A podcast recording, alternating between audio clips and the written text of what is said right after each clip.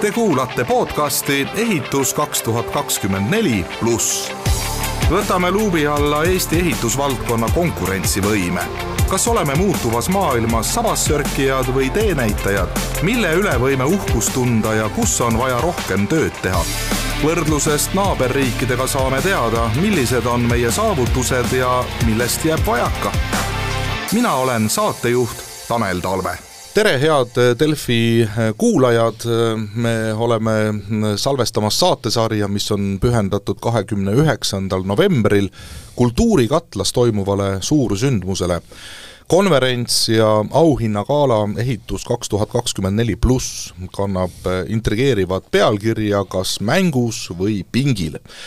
kokku tulevad sinna ehitusettevõtjad, arhitektid, ehitusinsenerid ja tellijad, et pidada nõu ja teha otsuseid, mis määravad homse suuna. Kuidas paistavad konkurentsis Tallinn, Riia ja Vilnius, kas linna planeerimine Eestis vajaks selgemaid printsiipe, kuidas mängus püsida, kui mängu üldse ei tellitagi, kas projekteerija jääb pingile konutama kas kliimaseadus muudab mängureegleid ja milline on kõiges selles veel ka noorte roll? valdkonna tippude ettekannetest ja aruteluringist selgub äh, nii mõndagi üllatavat ja kuuleme ka, milliste lahenduste poole siis tasuks liikuda. sündmuse kulminatsioon on auhinnagala, kus tunnustatakse aasta parimaid ehitusjuhte, uhkemaid projekte, säravamaid insenere, nupukamaid ideid, tublimaid tellijaid. saame teada, kes on digiehituse tuleviku tegija, aasta ehitusinsener, aasta noor ehitusinsener,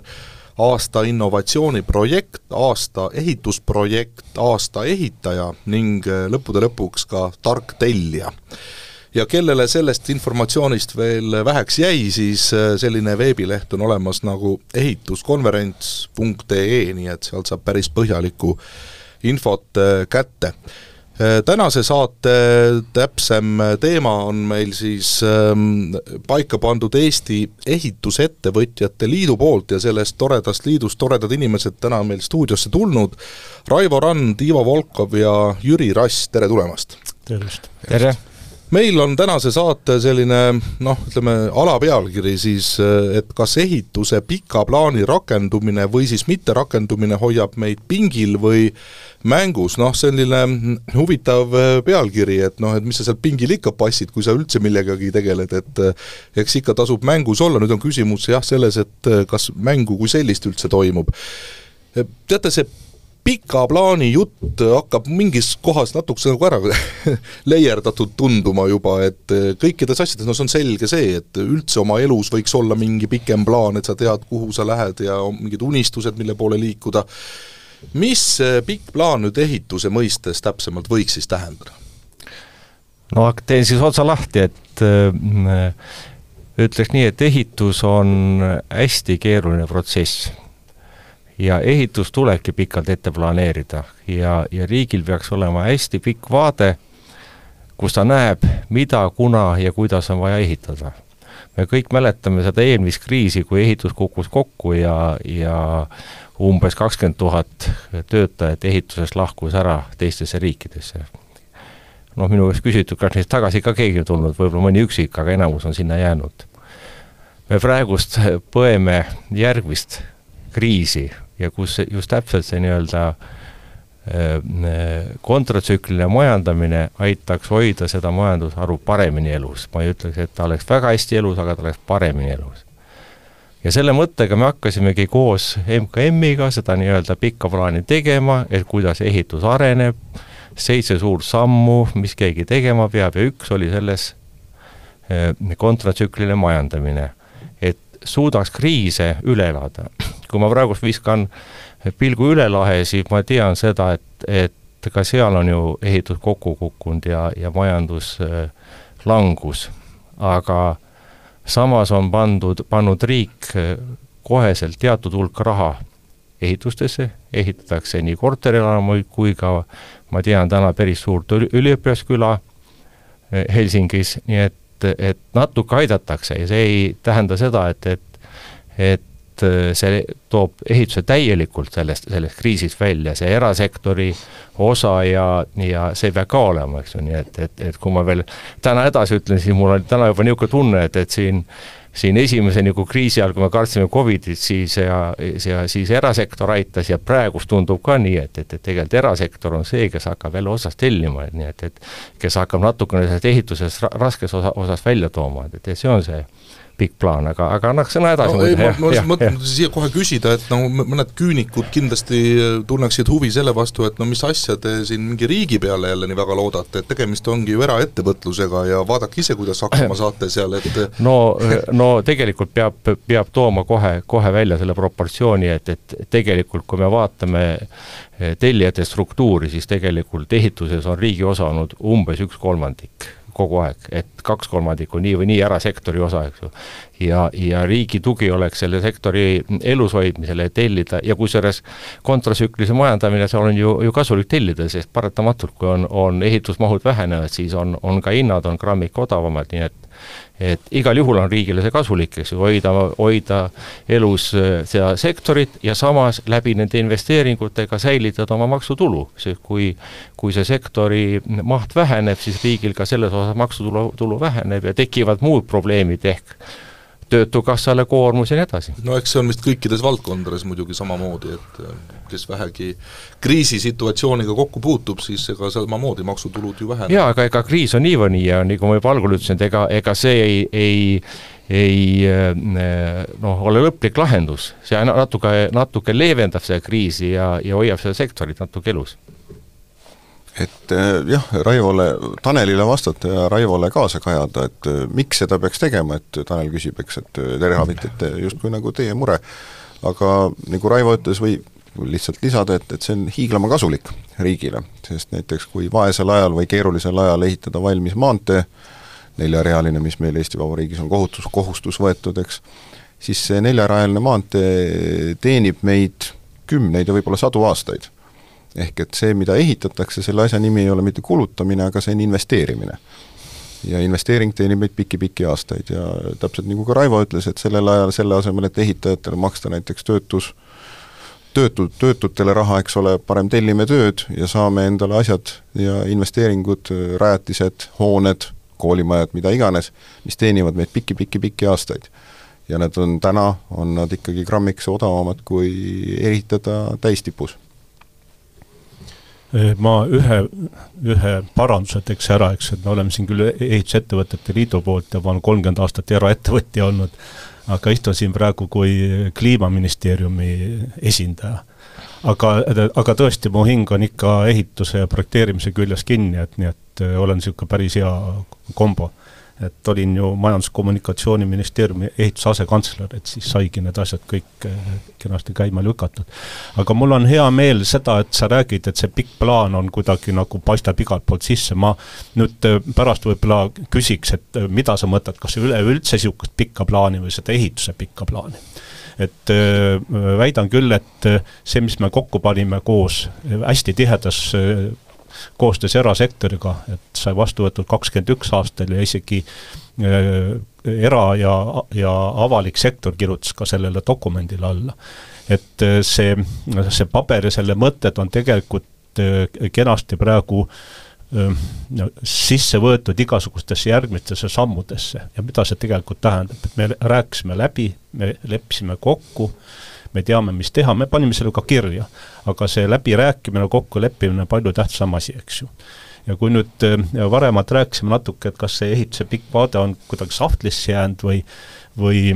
või midagi ka tehakse, siis ma väidan tõesti, et see, mis puudutab seda eh, kontratsüklilist planeerimist või pikaaegset investeeringute plaani, seda meil ei ole, me võiksime natuke pärast selle, sellest täpsemalt rääkida mm, -hmm. et mis sealt tuleks edasi teha. sest eh, tundub, et see on niisugune võtmeküsimus, asja, et asjad edasi edasi liigutada. tegelikult võikski ikkagi paari sõnaga puudutada, et mis siis edasi teha, et või mis sellest pikast plaanist nii-öelda tehtud on ja mis te-, tegemata veel ma, on? ma kiirelt ja... räägingi siis ja. ära, eks, et seal on tõesti, meil on suur se-, seitse suurt sammu, seal on iga, igasugused asjad juba käimas, eks ju, samas riigi asjad käivad äärmiselt aeglaselt ja ma saan seda nüüd ühe ja teise tooli peal istudes aru, aga nad käivad et kaugelt tundudes on tõesti need sammud jube aeglased ja midagi ei toimu, tegelikult toimub, eks ju, et et me oleme alustanud parima elukeskkonna äh, arengukava alusuuringut me eh, just praegu loome Maa- ja Ruumiametit, mis paneks selle asja nagu täpsemaks. Me oleme sõnastanud ja varsti ilmub, kuigi see on jälle umbes poolteist aastat tööd olnud, targa tellija kontseptsioon e-ehituse platvormile, ehitusgiidi, eks ju. me oleme alustanud uut OSKA uuringut. Ja, ja seal on veel ja veel asju, need tegelikkuses, tegelikkuses asjad käivad kokku lepitud, aga nad paistavad kaugelt vaadates, et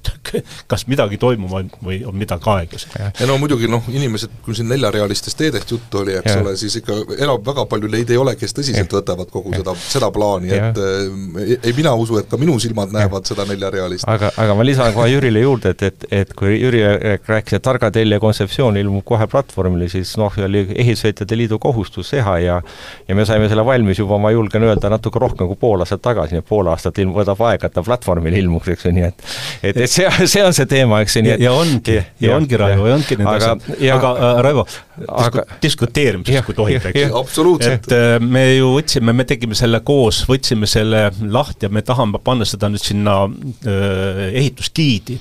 aga ta paraku oli liiga ehitajate nägu ja me tahtsime teda natukene läbi vaadata ka projekteerija arhitekti pilgu pealt ja teha ta lihtsamaks. baas on teie oma aga, ja ta kuskil ilmub, ütleme, et selle aasta lõpul, järgmise aasta alguses ja, ja siis, kui ehituskiit ka valmis on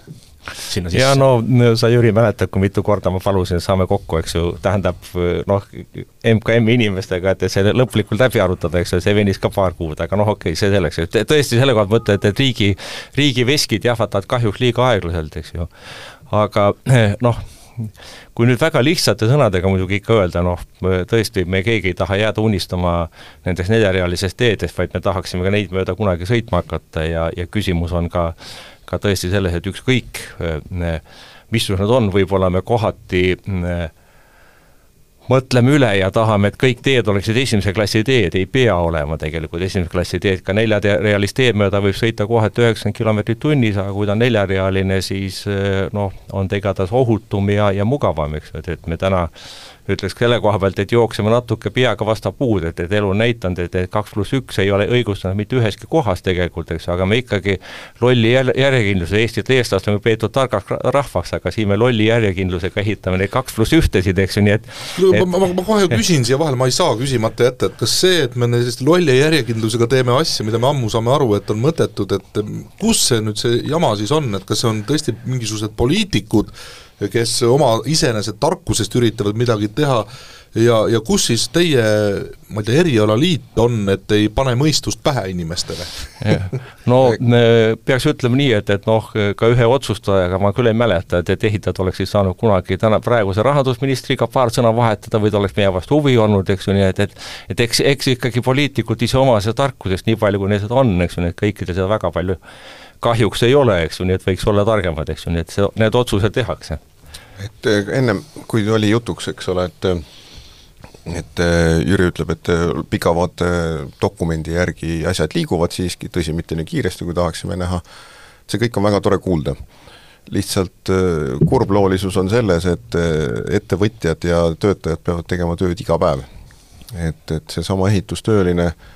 kellel on nüüd küsimus, et kui tal saab see nüüd varasemalt lõpetatud objekt, saab läbi, mida ta pärast seda homme teeb.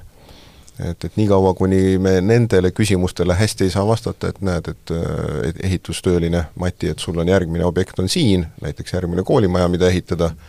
et niikaua on need pikavaatest tulenevad asjad on head, aga nad ei ole tehtud lõpuni. Nad ei materialiseeru täna tellimusteks. Et see on see koht, kus nagu ettevõtjatena ja tavakodanikena väga sooviks, et sa, ta materialiseerub millekski, ta materialiseerub hankeks, tööks, mida siis saavad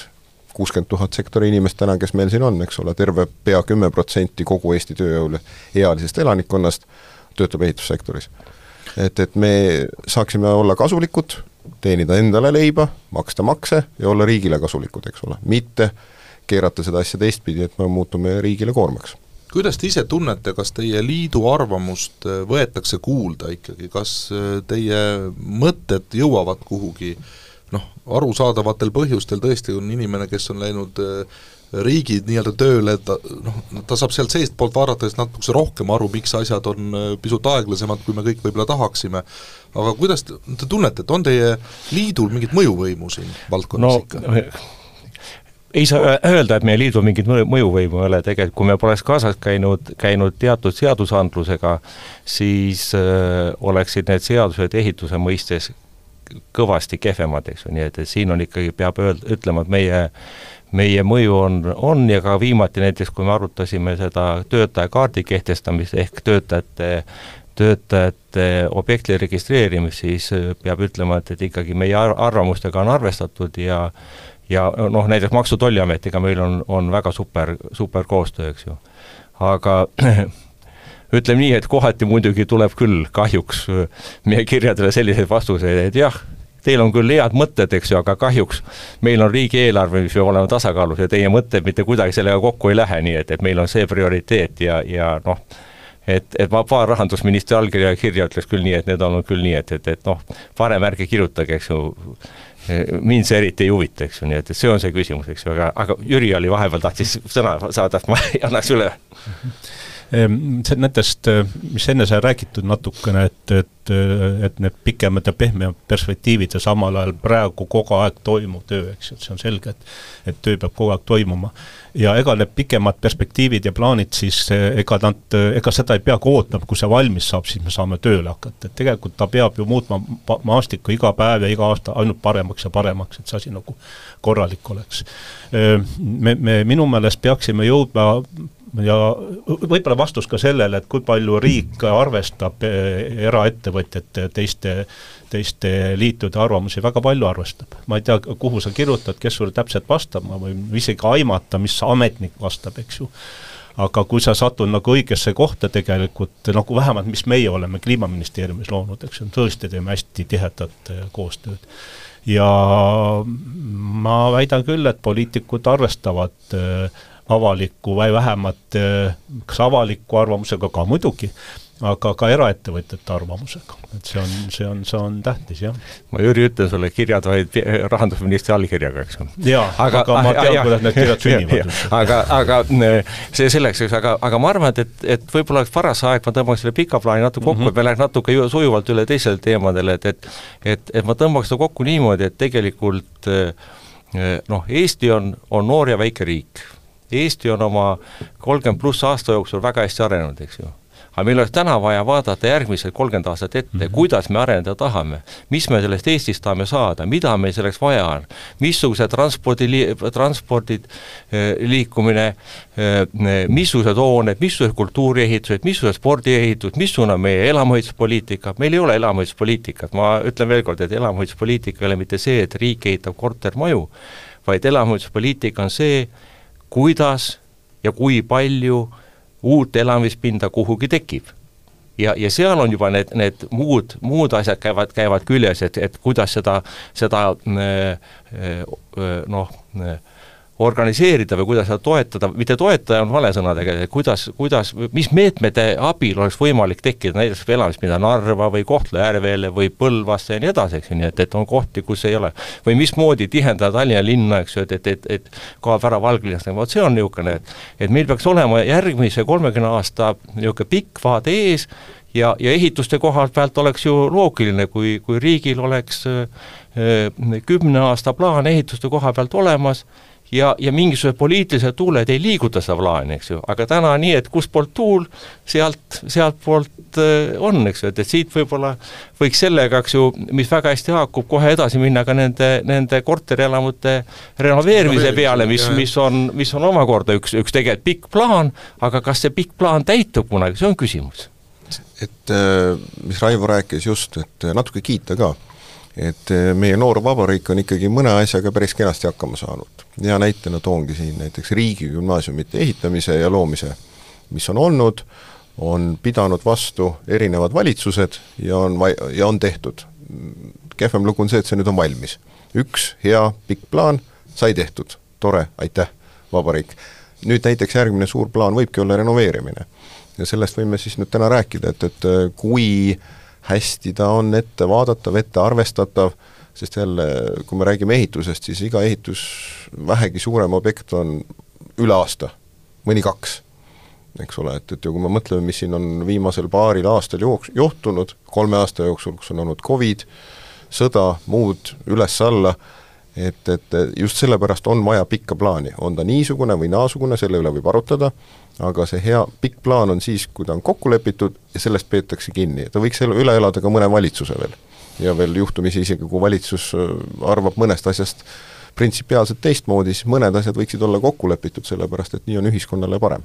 Ilus unistus yeah.. Pole midagi öelda. aga need unistused on, mitte ainult unistused, nad on ka kirja pandud ja see kohe muudab unistuse palju tähtsamaks, sest sellele saab viidata, kaasa võtta, näidata ka järgmistele valitsustele yeah.. et me momenti räägime sellesama ehituse pika vaate sammust number kaks, mis kõlab umbes niimoodi, et ehitusinvesteeringud on kontratsüklilised ja arvestavad riigi pikemaid perspektiive. vot nüüd ma siin tõesti väidan, et see asi on jäänud toppama, aga mitte seisma, toppama. sellepärast vaat riik ei ole mitte üks suur kong-, konglomeraat, et lähed sinna sisse, saad, saad, saad saad ühese vastuse, riik on erinevad ministeeriumid, erinevad ministrid, erinevad parteid, erinevad ametlikud. seal kõik ka tegelikult toimub omamoodi noh, nii-öelda lävimine, eks ju no,. et äh, kui, kui, kui mina saan sellest asjast väga aru, sellest pika plaani olemasolust ja, ja ma nagu võitlen selle eest, siis kahjuks, vot ma võin nüüd välja öelda, ma ei ole enam ehituse asekantsler, ma olen väiksem ametnik, eks ju. Äh, kahjuks on seal vastujõude, kes ütlevad, seda pole vaja, näiteks Rahandusministeerium. ja nüüd käibki kahe ministeeriumi vahel äh, kaklemine, kas seda on vaja või ei ole vaja. aga seda kaklust pole lõpetatud ja pigem hakkab tasapisi asi jõudma öö, arusaamisele, et peame seda tegema ja vot siin tegelikult eraettevõtjate surve, et seda on meil vaja ja järgmiseks etapiks väga vaja, see on hästi teretulnud. aga südamik või teravik tuleb suunata vot sinna õige südame poole, eks ju. mitte lihtsalt niisama rääkida. vaata Jüri, kui mina mõnest asjast aru ei saa, eks ju, ega ma ka kõigest aru ei saa, ma olen vait, eks ju. ma kuulan targemaid inimesi ja, ja küll asi liigub, eks ju, nii et, et et riigis võiks sama olla, kui asjast aru ei saa, siis ole vait, eks ju, ära ole vastu, eks ju. ega ilmaasjata ei räägita, eks ju, ja, ja sellest, et, et Eesti, Eesti areng toimuks, eks ju, no sellest peaks ju kõik, kõik aru saama, eks ju, aga areng ei saa toimuda ju ka ja kahepäevase plaaniga või kaheaastase plaaniga, areng saab toimuda ainult pika plaaniga, eks ju. aga lähme natuke selle korterite juurde ka, et, et sa, Jüri, ju tead täpselt, eks ju, neid, neid korterite renoveerimise plaane, et mis need numbrid on ja, ja, ja, ja hulgad, mis me teatud ajaks peame ära renoveerima, eks ju. jaa, tähendab nüüd natukene oleks pidanud meelde tuletama, meil on vist kakskümmend neli tuhat korterelamut, nendest viis tuhat on enam-vähem uuel ajal ehitatud, kõik on korras, viis tuhat on, tuleks maha lammutada, midagi pole teha, aga renoveerimist nõuab äh, neliteist tuhat korterelamut. ja on olemas meil plaan aastani kaks tuhat viiskümmend, see on siis see kort-, elamute pikaajaline see rekonstrueerimise strateegia, äh, mis äh, noh, mis ilmselt äh, selle aja lõpul peaks olema üheksakümmend protsenti nendest tehtud, kuidas elu tegelikult äh, see, see, see on nüüd teine asi, eks ju. ja on ka teada, mis on kõige suuremad takistused, miks seda tehtud ei ole, kõige suurem takistus on äh, hüplik finantseerimine ja riigipoolne hüp-, hüplik finantseerimine, see tähendab niimoodi, et mõnel aastal paisatakse sinna viiskümmend, sada miljonit euri ja siis järgmised aastad on null, aga ehitajale ja sektorile tähendab see käimelükkamist, järsku pidurdamist, käimelükkamist, järsku pidurdamist ja mitte ühtegi asja ei saa nii hästi teha. ma korra veel Raivo, kui tohib, lõpetan. et vähemalt sellest on aru saadud, on tehtud prognoosid ja graafikud ja nüüd on küsimus raha saamises. järgmised neli-viis aastat on, me saame raha RR, RRF fondidest, see on kuskil kolmsada kuuskümmend miljonit, see on Euroopast tulev raha, ja me vaatasime, vaatasime ka, et me oleme praegu paigutanud sinna sel järgmisel ja kahel järgmisel aastal umbes sada kuni kaheksakümmend miljonit euri, nii et mingisugune periood on stabiilne. aga siis kukub graafik alla, et siis ei, ei, ei, ei tea täpselt, kuhu see või kus seda raha noh, nii-öelda saab, eks ju. kas see tuleb Euroopast või see tuleb äh, riigieelarvest. meie tahaksime, et see tuleks riigieelarvest, aga noh, siin see riigieelarve on, vahel on vaja osta kahureid ja teinekord on vaja õpetajatele ja. palka maksta. aga no nüüd on jälle järjekordselt üks teema, eks ju, meil on pikk plaan ees, me teame, mida me tahame ja kuhu me tahame jõuda, eks ju noh, nagu Jüri ütles, ükskord on kaheksa miljonit, teine sada viiskümmend miljonit, ehitaja vaatab, aga mis ma selle jamaga mm. ikka tegelen, eks ju, nii et, et, et ta on nii ebastabiilne, eks ju. teine asi, mitte ainult ehitaja ei vaata, ega kõikidele ühistutele pole ka ju kindel see. tegelikult on ju, ju küsimus see, et, et ühel päeval visatakse kaheksakümmend miljonit letti, et, et nüüd tehke pakkumisi, kes saavad, eks ju, noh. kes ees, see mees või, või ütleme, kes on parasjagu kuhugi jõudnud, saab, aga võib-olla see võimekas ühi-, ühistu, kes oleks valmis seda oma maja renoveerima, jääb sellest konkursist välja, eks ju. ja ta mõtleb, ah, mis ma võrgusega ikka tegelen tegelikult. põhimõte peaks olema väga lihtne. kui on pikk plaan, siis peab sellega katma finantsiliselt. ja ühistu, kes on täitnud teatud tingimused, on ta teinud valmis projekti, ei tähenda, mis kuupäeval, olgu see siis esimene mai või, või kolmekümnes november, eks ju. ta on teinud valmis projekti, tal on oma finantseerimine, kõnnib siis nii-öelda endisesse KredExisse, on täitud tingimused, tehakse otsus ja teatud aja jooksul saab ta selle raha ja, ja, ja renoveerib, eks ju. sellisel käitumisel, nagu praegu seda mina väidan, me selleks kahe tuhande viiekümneks mitte kunagi seda plaani ei täida, eks ju. muidugi ma kõrvalt ütleks juurde, et elamuehituspoliitika aitaks seda plaani paremini täita, sellepärast et, et äh, mõningal määral natuke rohkem uue elamufondi tekkimine äh, vähendab renoveerimisprobleemi ja, ja kahtlemata on, on maju, mida tuleks päris tõsiselt ka maha lammutada, nii et, et, et ei ole mõtet päris kõiki renoveerida kuulge, kui tark üldse on ehitusettevõtjal nii-öelda lootma jääda riigi peale või et oma äriplaani tehes üleüldse riigi, riigi tellimustega väga arvestada, et tundub vähemalt siit teid kuulates praegu selline väga riskibusiness ju?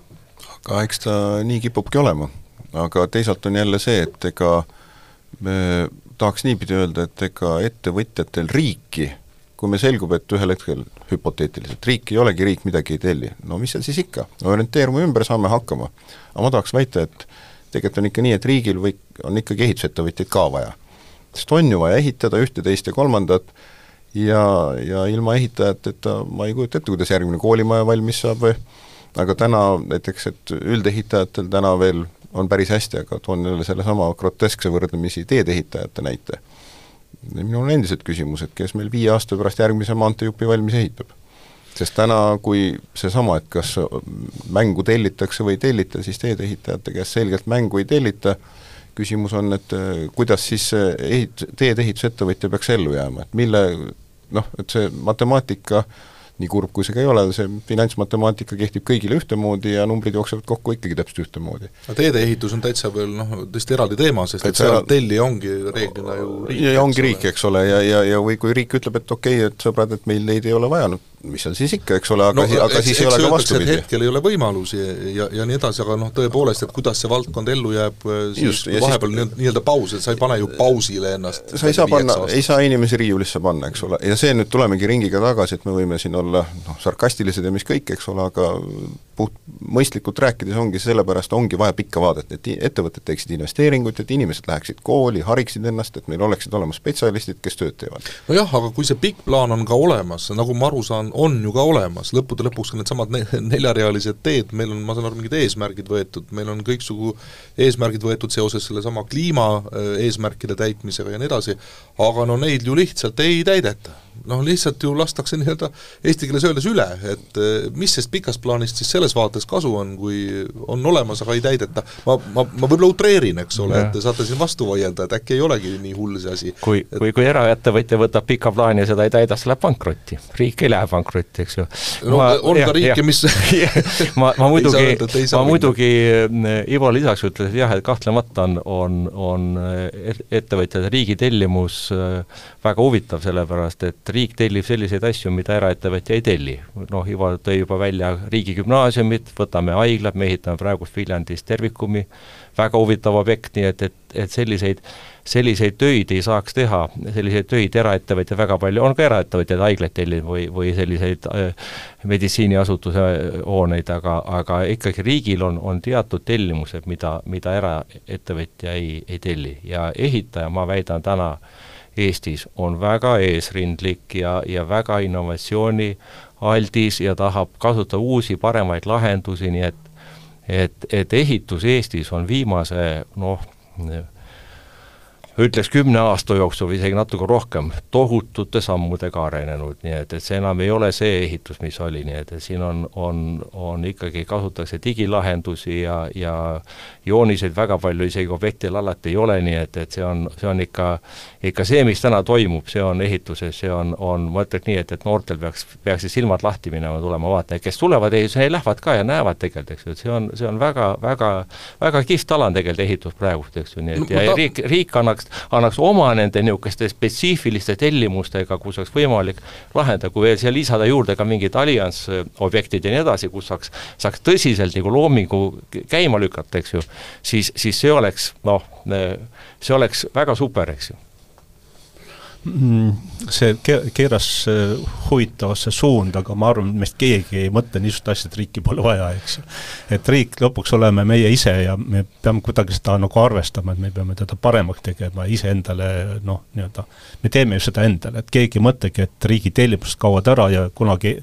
kunagi lasteaedu või koole ei tehta, et teid ei tehta, et kõik me ju teame, nagu sa ise hakkasid ka pihta, Raivo, eks ju, et et umbes ehitussektorist umbes kolmkümmend protsenti on riigi tellimused, need on aastas umbes miljard ja, ja nüüd jälgides seda tendentsi, see ei ole tegelikult alanenud ja, ja eelmine Jüri, vaidlen vastu. eelmine aasta oli miljard, järgmine aasta aga on... kogumaht oli juba neli miljardit ja vahepeal, kui oli miljard viis aastat tagasi, selle aja jooksul on ehitushinnad kolm, neli, viiskümmend protsenti tõusnud, nii et täna peaks olema poolteist miljardit ja ma selle, selles mõttes olen ma sinuga nõus jah, et tõesti, aga aga teise platsi pealt tuleb vaadata seda, et äh, riik praegu hoiab kangesti kokku, aga ta ei ole üldse kokku hoidnud ehituse arvelt või investeeringute arvelt. nii et järgmiseks aastaks on planeeritud kuskil üks koma kaks miljardit, ülejärgmiseks veel miljard ja vot siis läheb asi lappama, siis vaat pikemat plaani ei ole, me räägime sellest, et peaks olema nagu pikem plaan edasi. mina väidan, et riik hoiab praegust kokku maksulaekumisest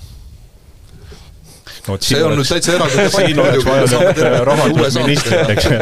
ja ei no kui, kui riik ei, noh, see on väga lihtne tegelikult, ega laias laastus äh, äh, riik oma investeeringutele saab maksudena kolmkümmend viis protsenti tagasi kui me vaatame ehitust, siis kuskil kolmkümmend viis protsenti, kõik see, mis ümber ehitusega ka toimub, ehitusmaterjali tootmine, nii edasi, eks ju, saab riik kolmkümmend viis protsenti tagasi. see on ehituse perioodi jooksul? jah, ehitusperioodi jooksul. ja kohe ja, ja kiirelt, mis siis veel tuleb lisaks pärast ja, seda? nii et, et, et saab kohe tagasi, eks ju. nii et, et, et kui, kui nüüd investeeringud vähendada, eks ju, selles osas jääb, jäävad, jäävad maksud, meil ei ole täna kuskilt varianti, et, et, et eratellija täidaks selle, selle, selle lõigu. muuseas, ma noh, tõesti, ma tegin analüüsi, nii et, et, et kui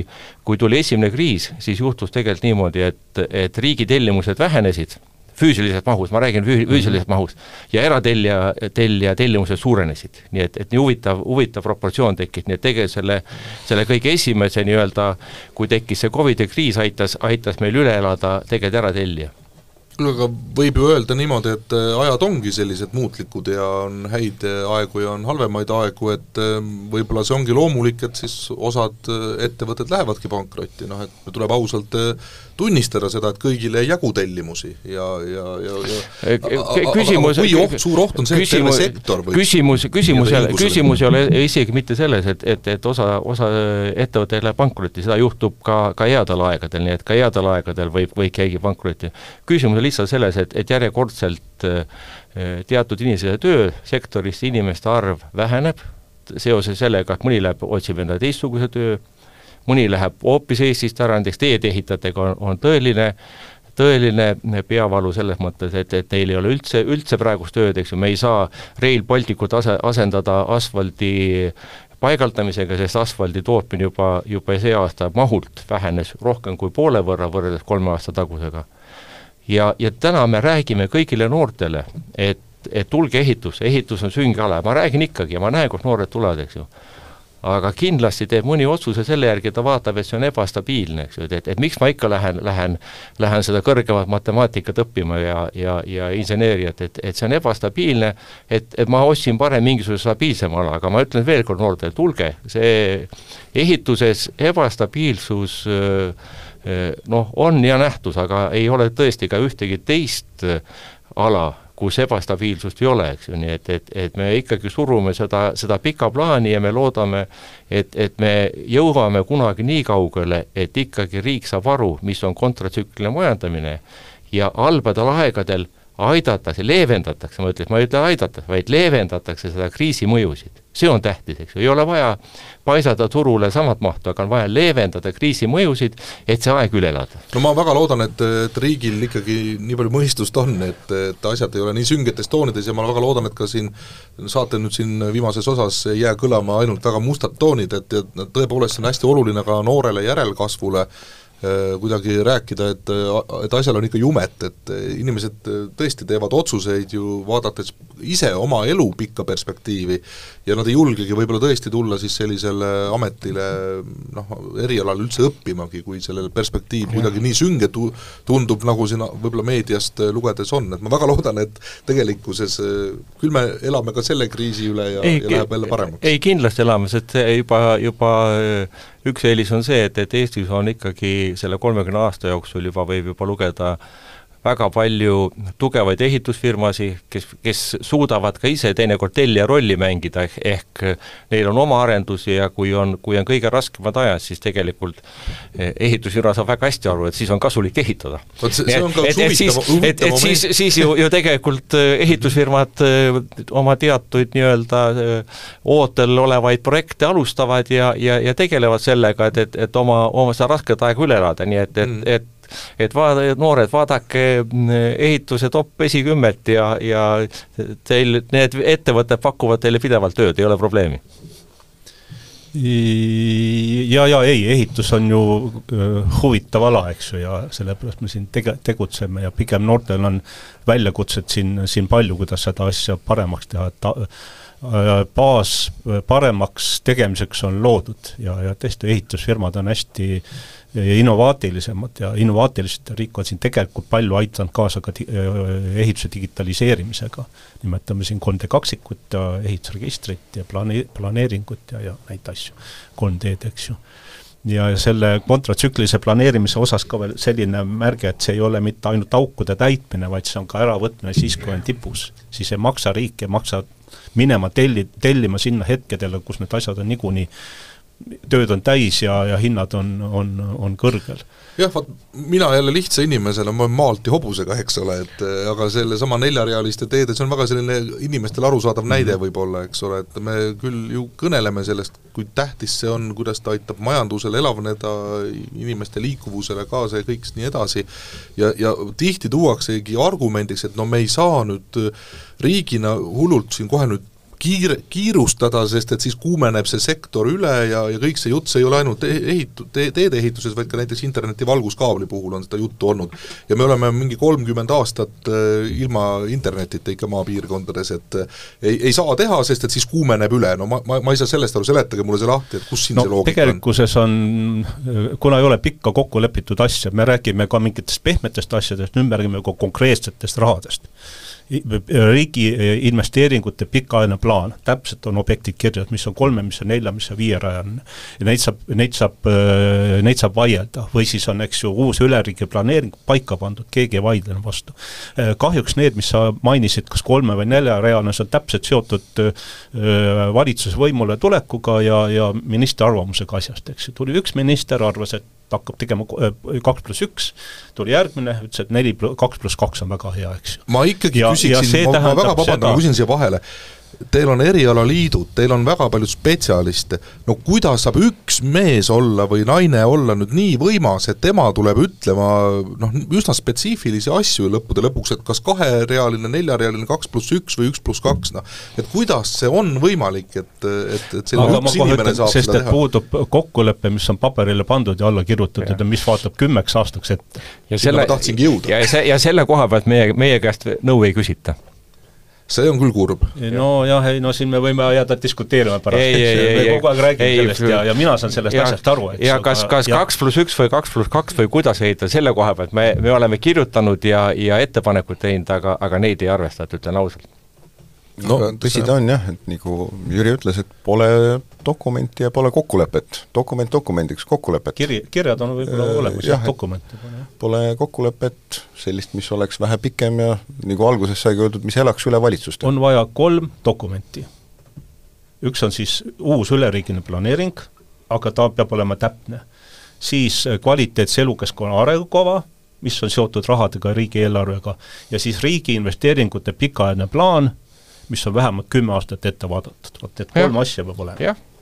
ja kiirelt. ja kiirelt. jah, muidugi siia täitsa lõpetuseks ikkagi, et teatavasti kõik ei sõltu ei riigist ega poliitikutest ega meist endist, vaid ma ei tea, rahvusvahelisest olukorrast, eks ole, üldisest majandusolukorrast, makromajanduslikus mõttes ja nii edasi, et noh, sul võib see kümne aasta plaan ju olla, aga noh, elu teeb nii-öelda omad ko-, korrektuurid, et, et ega kõike vist päris sada protsenti ei saagi noh no,, täita sellest pikaajalisest plaanist, aga, aga mingi siht, ma saan aru, on täna isegi see puudu ja,. jah, jah, siht peaks ikka olema ja siht annab ju ko-, korrigeerida vastavalt olukorrale, eks, et ilma sihita elamine on hoopis täitsa kohe, öeldakse ju, et, et halb plaan on ikka parem kui mitte plaani omamine. jaa, no väga lihtne küsimus, et, et kas neljarealine teed Tartu poole äh, toetab või pärsib siis Lõuna-Eesti arengut, eks ju, kui ta oleks juba olemas mm, -hmm. siis ta toetaks Lõuna-Eesti arengut mm, -hmm. ega noh, eraettevõtja seisukohalt on ju väga lihtne, eks ju, kui sa tahad raha teenida, pead investeerima, ega mm -hmm. riik midagi teistmoodi ei ole. kui sa tahad raha teenida ehk maksusid saada, pead investeerima, eks ju, pead investeerima vajalikesse asjadesse, pead investeerima ökonoomsetesse asjadesse, mis kulutavad vähem energiat, neljariigiline tee eh, kulutab vähem inimeste aega, vähem inimeste energiat, vähem eh, kiirabi ja Päästeameti ressurssi, see on igatpidi kasulik pikas perspektiivis, pluss see, et, et eh, Äh, noh, mul endal mitu, mitu ettevõtet äh, Tartus või Lõuna-Eestis, see, ja ma näen, näen neid, neid transpordiprobleeme, mis tegelikult tänu selle tee puudumisele on, eks. Ju, see tegelikult soodustab nende piirkondade arenemist, need inimesed saavad selle paremini hakkama, nad vajavad vähem toetusi, neil on rohkem tööd, nad maksavad rohkem makse, meil käib ka rohkem külalisi, sest ütlen ausalt, on mõni inimene, kes korra on Tartus ära käinud, ütleb, et ma sinna rohkem ei taha minna, sest sinna ei saa kuidagi sõita, eks. No selge see, et äh, kõik need asjad on üsna loogilised äh, ja, ja arusaadavad noh, nii-öelda meie, minugi perspektiivist, aga noh, selge on ka see, et halbadel aegadel ka riigi kui tellija rahakott on õhem, et midagi teha pole, et valikuid äh, peab tegema ka investeeringute mõttes loomulikult, aga mul on siia lõppu nüüd küsimus, et me räägime siin päris palju sellest, et me ei kasuta ära meie toredat võimalust Euroopa Liidu sõprade abiga siis oma eelarvet noh, täiendada Äh, täies mahus, et meil on suured hulgad euroraha kasutamata, kas selles teie valdkonnas on seesama probleem ja kas siin võiks olla see koht, kus nii-öelda tänastel kitsastel aegadel saaks ikkagi raha juurde, et toetada sektori arengut? Tegelikult ehitusse nüüd küll on tulnud raha, räägime sellest Rail Balticust, hea küll, sinna ei panda asfalti maha, aga ehitajad saavad hulgaliselt tööd, eks ju korterelamute rekist kolmsada seal kakskümmend, viiskümmend miljonit, eks ju, et need on ka suured rahad. Et äh, need on kenasti paika pannud, ma tean, kus koha peal riigi raha on jäänud natuke toppama, see on see Ida-Viru mingisugune ma ei tea, õiglase ülemineku fond. ja seal on pigem niimoodi, et see annaks kohta, kus puudub just see nagu see vastuvõtt, et kes tahab seda raha saada, eks ju. et ähm, tegelikult ma ei tea arve, aga minu meelest Eesti riik on siis siiski suhteliselt usinalt saanud äh, Euroopast raha ja püüdnud neid suhteliselt hästi kasutada, alati saab ju rohkem, see on selge. et äh, Jürile et äh, täpsustuseks või siis natukene meenutuseks, kui lubad, et Maaler ja Müüriladu ja Rail Balticul väga tööd täna ei saa. Jah aga sa... ehitussektor saab sektor... ja tuleb võib-olla ka natuke ümber keerata. sektor saab, aga need on siiski erinevad asjad, et nime poolest jah, ehitused, aga siiski Rail Balticu muldkeha ehitab ikka täiesti teise spetsiifikaga inimene, kes on õppinud teist tööd, teeb teist tööd ja, ja, ja, ja kui ikkagi suurel hoonel, ma ei tea, meil arteri ehitusel töötab ühel hetkel võib-olla viissada inimest need ei ole need viissada inimest, kes ehitaksid Rail Balticu muldkeha. et selles suhtes ta on sektor jah, tõsi, ehitus tõsi, aga nad on siiski erinevad inimesed ja kui me räägime sektoritest, ettevõtja A või ettevõtja B on üks küsimus, aga teine on ikkagi sektoris töötavad inimesed, kes saavad sealt palgaraha ja elavad oma igapäevast elu. Et selles mõttes, et ka riigi poolt, et kui riik ütleb jah, ehitussektor sai raha, siis see täpsustus, et mis täpsemalt, mis on need töölõigud või kuidas on, et nendest kahjuks ei saa mööda vaadata, et seda peab silmas pidama.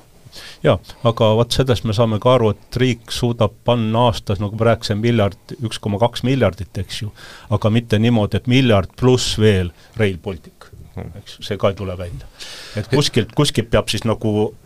tagasi võtma. no jaa, vaata, me oleme täna selles olukorras, eks ju, kui riik oleks omal ajal seadust tead-, täitnud, eks ju, noh, riik on kõige, kõige, kõige seaduse ku-, kuulekusel kõige kehvem, kehvem organ, eks ju, nii et, et siis meil oleks Tallinn, Tartu ja Pärnu ja kõik valmis, et me teame väga hästi, et omal ajal oli ju ju seaduse seitsekümmend protsenti kütuseaktsiisist pidi minema teedeehitusse, pluss Euroopa Liit andis täiendavad vahendid, et me kiirendatult saaksime need asjad valmis ehitada, eks ju, noh, mitte kunagi ei läinud seitsekümmend protsenti kütuseaktsiisist, vaid see seitsekümmend protsenti läks koos Euroopa abivahenditega, eks ju. ja, ja kui isegi oleks tol hetkel laenu võtnud, eks ju, me oleme asja, ajad juba natukene maha maganud, eks ju, siis me täna ainult naeraks selle asja peale tegelikult, see oleks niivõrd odav, eks ju tegelikult. ei arusaadav, see on see vana hea vanasõna, et oleks ma täna poolt nii tark, kui minu abikaasa on, noh, ühesõnaga see selleks. Ja lõppude lõpuks ma kutsun ka teid üles, et Eesti Vabariigi juhtimisse saavad kandideerida kõik, kõik inimesed, kes on täisealised ja vastavad teatud kriteeriumitele, et võib-olla oleks aeg minna ja ise otsustajaks hakata, et ministriks. Aga, aga miks mitte, et see, see, selle toreda tõdemusega on tegelikult meie tänane saateaeg äh, läbi saanud, aitäh teile väga huvitava, intrigeeriva vestluse eest ja ma väga loodan, et Eesti ehitussektor, äh, ütleme, tema, tema tulevik on siiski helge kuigi võivad hetkel olla raskemad ajad, ma ikkagi saan aru, et koostöö äh, riigiga ja ministeeriumitega on olemas, et ei ole päris see võiks alati parem olla loomulikult, aga aitäh, aitäh selle võimaluse eest ja ma lisan juurde veel kord, et, et jah, Eesti Eesti ehitussektor ja eriti esiotsa tugevad firmad on, on niivõrd tugevad, et, et nad elavad selle keerulised ajad üle ja, ja ja me näeme veel siin väga uhkeid ehitusi ja, ja väga uhkeid arenguid Eestis aitäh äh, teile, head külalised, äh, ja aitäh äh, headele kuulajatele, Eesti Ehitusettevõtjate Liit oli tänasel saate tegemisel siis sisu poolest abiks. Raivo Rand, Ivo Volkov, Jüri Rass, suur tänu teile tulemast ja head kuulajad, teiega kohtume juba järgmine kord. ehitus kaks tuhat kakskümmend neli pluss